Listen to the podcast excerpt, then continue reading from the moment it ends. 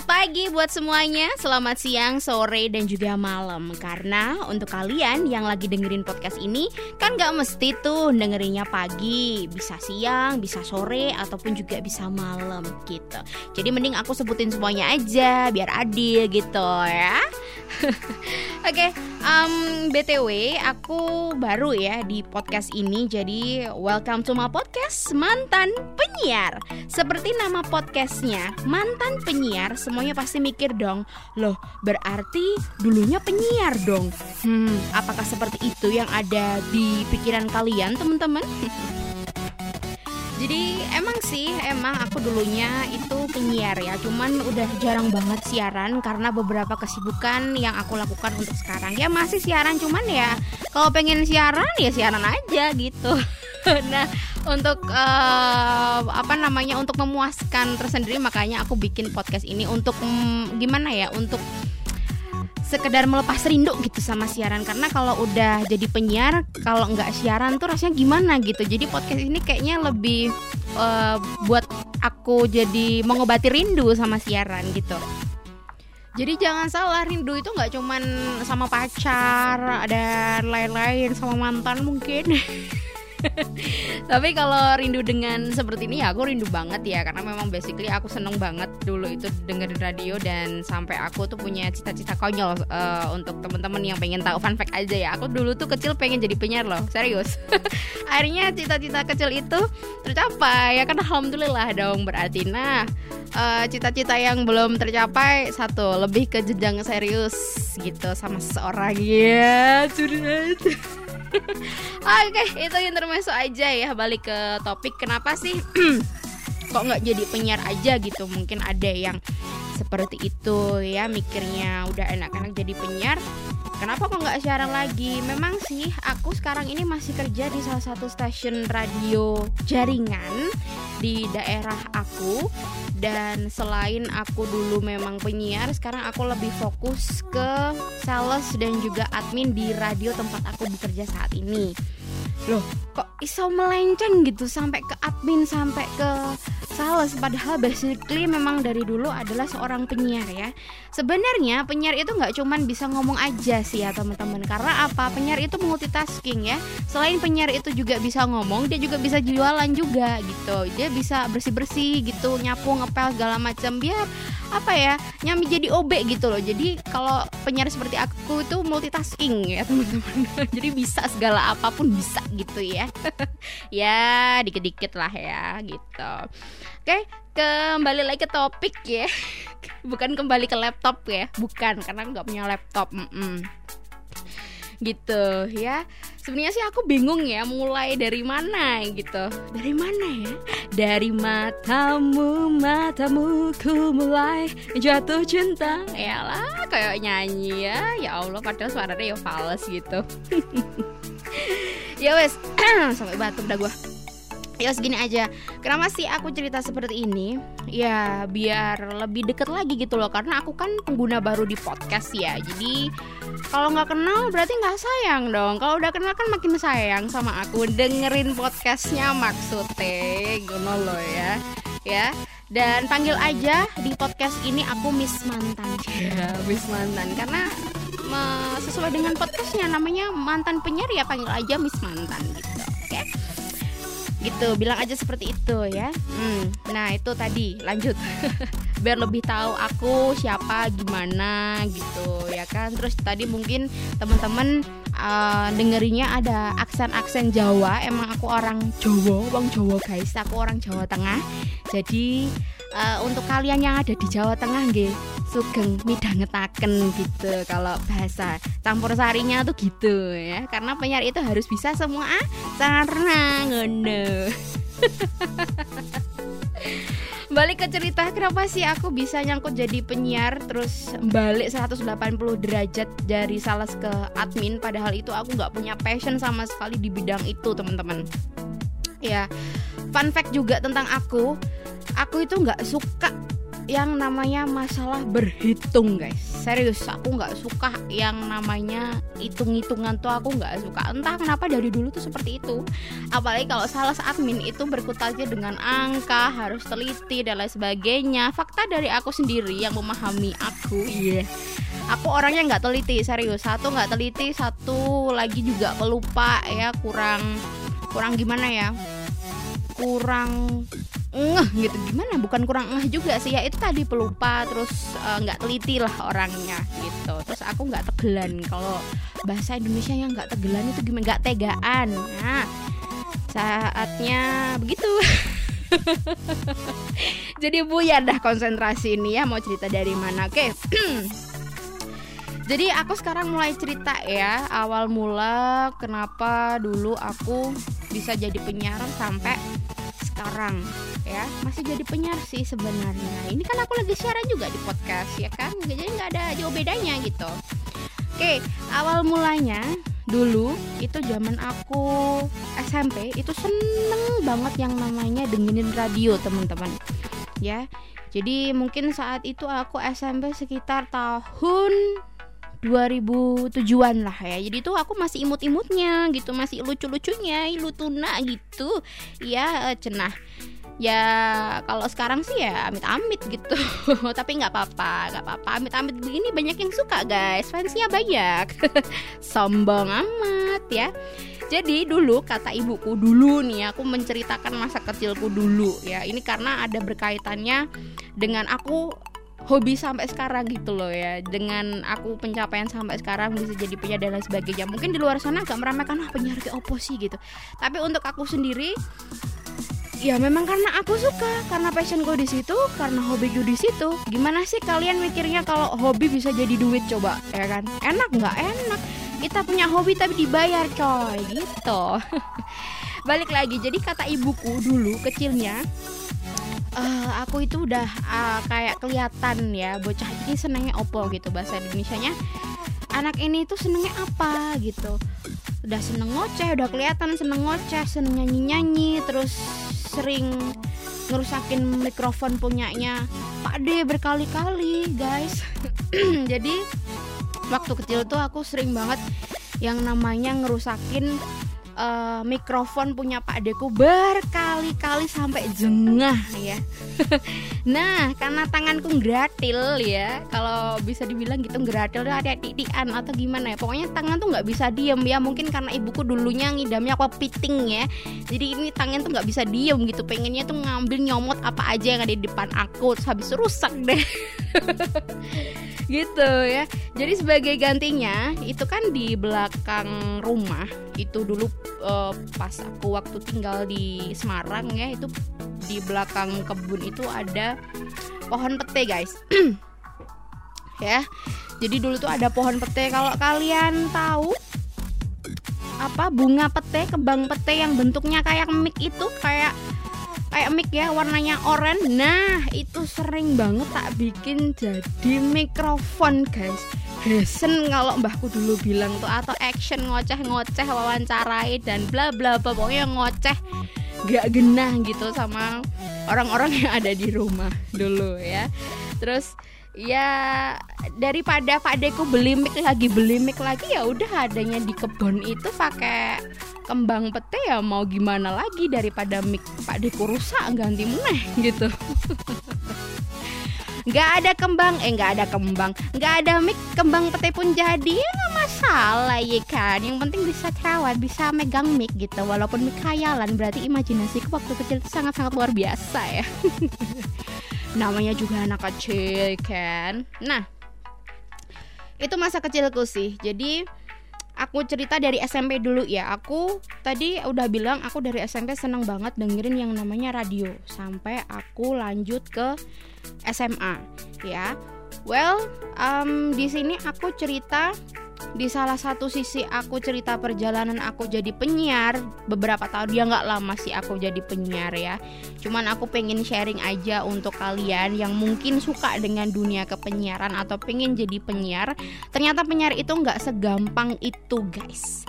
Jadi dulu perjuangan aku tuh lumayan. Dulu ya dulu banget waktu aku masih muda gitu ya. Sekarang udah mau tua gitu. Tapi masih muda kok ya serius aku masih muda di satu sisi lain aku juga sedikit cerita perbedaan antara jayanya radio zaman dulu sampai ke zaman milenial sekarang ya. Dari zaman bahala pertengahan sampai milenial kayak zaman sekarang yang udah modern banget gitu loh. Apalagi podcast ini kan adalah ruang siaran yang sangat-sangat modern gitu loh. Dunia radio kita bisa tahu lah untuk kalian yang mungkin mengamati radio dari zaman ke zaman, tahun ke tahun, abad dari abad gitu ya mungkin bisa jadi ya kan Nah, di posisi ini aku menempatkan sebagai yang ada di pertengahan. Tengah-tengah, aku juga mengalami yang namanya uh, jaya-jayanya radio zaman dulu sampai sekarang. Ya, radio zaman sekarang gitu. Wah, ini kayaknya penyiarnya perlu minum nih, guys. Nggak ada minum di sini gimana dong ya udah nggak apa-apa ya jadi mohon maaf nih kalau dengerinnya agak ngos-ngosan atau suaraku berubah-ubah ya emang begini ya ciri khasnya emang begini ya gitu Oke, dari mana nih aku tadi cerita ya? Ceritaku nggak berurutan nggak apa-apa. Yang penting enak dengerin kalian seneng udah merasa cukup akunya tuh ya. Hmm, gitu ya. Jadi aku di sini melihat dari sisi aku perjalanan jadi penyiar sampai sekarang dan juga melihat sisi radio perkembangan dari zaman ke zaman gitu. Aku masuk di SMA waktu itu ya, jadi lepas nih lepas dari SMP aku memang suka dengar radio udah gitu aja nggak ada yang spesial spesial juga. Jadi aku masuk di SMA. Waktu itu ternyata di SMA tersebut ada organisasi radio guys. Wah seneng kan aku waktu itu? Karena di SMA SMA yang pernah ada di daerahku itu nggak ada yang punya ekskul atau organisasi radio. Nah aku kan lihat di soft uh, software. Apa yang namanya itu kayak leafletan gitu tuh ada organisasi radio. Nah aku masuk SMA situ, ya memang satu aku cocok, pengen di situ, B-nya murah dan ternyata ada organisasi radio guys. Ya seneng lah aku waktu itu ya kan jadi nggak pakai a i u e o lagi dan babi bu babi. Sushi sushi dah gitu lagi ya. Langsung aja aku masuk ke sekolah itu dan mengikuti organisasi tersebut waktu kelas 1 ya walaupun hanya radio sekolah tapi kan ya lumayan lah ya. Karena di situ kita bisa belajar. Aku lebih tepatnya aku bisa belajar sedikit demi sedikit tentang radio itu bagaimana. Ya jangan tanya aku dulu siaran tuh kayak apa. Ya hanya bocah SMA gimana sih ngomongnya ya ala kadarnya gitu. Nggak kayak aku ngomong sekarang ini karena udah beda banget pembelajarannya gitu. Di SMA itu ya pembelajarannya minim gitu tentang kepenyiaran. Jadi beda dengan sekarang aku ngomong nih beda banget. Kalau teman-teman kalau aku masih punya rekamannya sih mungkin teman-teman bakal ketawa deh dengerinnya. Serius. Serius dah. Jadi uh, itu tuh dulu ya asal pede aja gitu loh ya. Kamu punya topik ya udah kamu siaran gitu. Ya mungkin jangkauannya sih nggak terlalu luas ya namanya juga radio radio sekolahan gitu ya jangan berharap itu sampai mana-mana. Tapi walaupun jangkauannya hanya sekitar di daerah uh, tempatku sekolah dulu radioku dulu Nah, tapi tapi dulu aku juga banyak fans di sana, tahu nggak sih ente? Cenah, ilah. Oke, tapi uh, di situ aku merasa bangga ya. Jadi aku merasa kayak wah ini juga bisa mengasah bakat aku misalkan karena dengan itu aku jadi menjadi seseorang yang berekspresi penuh ekspresi sih Ila kayak lagu ya kita berekspresi gitu. Dan dulu waktu SMA juga mau lulus lulusan itu aku sempet jadi MC tuh di SMA ya kan? Jadi agak ada bangganya gitu loh karena guru-guru itu setelah itu mengenal aku semua. Wah itu yang kemarin kamu MC ya kok bisa seperti itu? Gimana sih ceritanya gitu kan ya? Kok uh, lainnya gitu ngomongnya kok enak gitu? Kok bisa MC belajar dari mana sih ya? Jadi sebenarnya sih aku belajar otodidak ya. Maksudnya ya cuman sering dengerin radio itu aja. Kalau kalian pengen jadi penyiar kalau kalian pengen jadi penyiar di salah satu radio yang kalian suka ya kalian dengerin aja radio yang kalian suka gitu. Pasti nanti semuanya akan menular gitu dengan sendirinya hmm. Nah, salah satu yang aku banggakan di sekolah dulu kelas 2 SMA, kalau lainnya itu kan pengen ikut organisasi. OSIS, jadi ketua OSIS atau mungkin jadi ketua ROHIS, organisasi ROHIS PMI, Dewan Ambalan dan lain-lain sebagainya. Mentak-mentak juga jabatannya jadi humas, ya kan? Karena aku dulu ikut OSIS nggak terima, guys. Malang nasib ini ya. Oke, aku balik kertas dulu ya, guys, karena aku nulis skrip ini ya. nah, jadi um, aku sendiri ya waktu itu pengen banget ikut organisasi osis tapi sayang banget nggak keterima. Tapi nggak apa-apa nggak apa-apa. Kita harus selalu mencoba yang terbaik ya kan? Akhirnya keberuntungan itu datang padaku. Kalau lain-lainnya jadi ketua osis tebak aku jadi ketua apa? Ayo eh aku jadi ketua radio loh guys. Jadi ketua organisasi radio dong. Gimana nggak bangga? Coba ya ampun zaman dulu tahu Jadi kalau lain kalau yang lainnya ketua OSIS ya aku ketua radio dong. Iya mau ngapain kamu? Agak sombong sedikit. Gak apa-apa, gak apa-apa, gak apa-apa. Jadi kalau ada panggilan sekolah dulu-dulu tuh gitu kayak ada di toa gitu ya. Panggilan-panggilan gitu. Pengumuman-pengumuman kepada ketua setiap organisasi sekolah harap berkumpul. Waduh, seneng banget dah tuh ya. Semua ketua organisasi lah kan gue ketua organisasi radio ya kan. Ya tren teng teng teng teng teng. Gue sebagai ketua radio gitu loh, gabung sama ketua organisasi lain. Ya nggak apa-apa sama sedikit ya masalah buat lo daripada nggak sama sekali ya kan. Oke, balik lagi itu satu salah satu kebanggaan aku ya. cerita sebelum lulus SMA itu aku sempat ngikutin uh, salah satu jadi DJ junior junior di radio aku yang sekarang aku tempatin kerja nih. Tapi kalian tahu nggak sih, aku tuh nggak keterima guys, tahu nggak? Bah, getol banget ini kayak menyimpan suatu uh, dendamku sumat. Suatu saat aku akan duduki singgah sana yang ada di sana. Otomatis dong ya aku seperti itu ya kan Menden, Bukan mendendam Jangan dituruh dendam gak baik loh ya Hanya intermezzo aja Karena ya sedih dong aku pengen banget jadi penyiar di salah satu radio yang aku suka tapi ternyata alhasil aku nggak terima guys gimana dong perasaan kalian kalau kayak gitu ya Baik, singkat cerita, alhasil aku keterima di salah satu stasiun radio komunitas dulu di kotaku dan otomatis aku jadi penyiar dong ya. Kalau di sini biasanya nyebutnya DJ. Bukan DJ yang di klub-klub gitu bukan, tapi ini DJ yang sering muter-muter lagu kesukaan kamu di acara ini tetap station barengan aku ya gitu ya. Oke, BTW masa kejayaan itu adalah dapat fans banyak ya, guys. Jadi kalau diinget-inget tuh ya, tipikal si anak aku dulu pas siaran ya kayak gitulah sama gitu, belum ada peningkatan gitu. Tapi ya namanya kita manusia pasti harus belajar dan terus belajar. Di samping itu juga setiap hari Minggu aku kebetulan juga ikut pelatihan kepenyiaran di salah satu stasiun radio swasta di mana singkatnya aku lulus SMA dan aku ngelamar di radio tersebut ya sebut aja di radio AFM lah ya. Tapi tapi sobat, tapi sobat ya kita tapi temen-temen Meski aku pernah ikut pelatihan di radio AFM, bukan berarti aku langsung keterima loh guys, karena masih ada panjang banget lika-liku yang harus aku lewati dan aku jalani dan aku harus tetap semangat untuk meraihnya.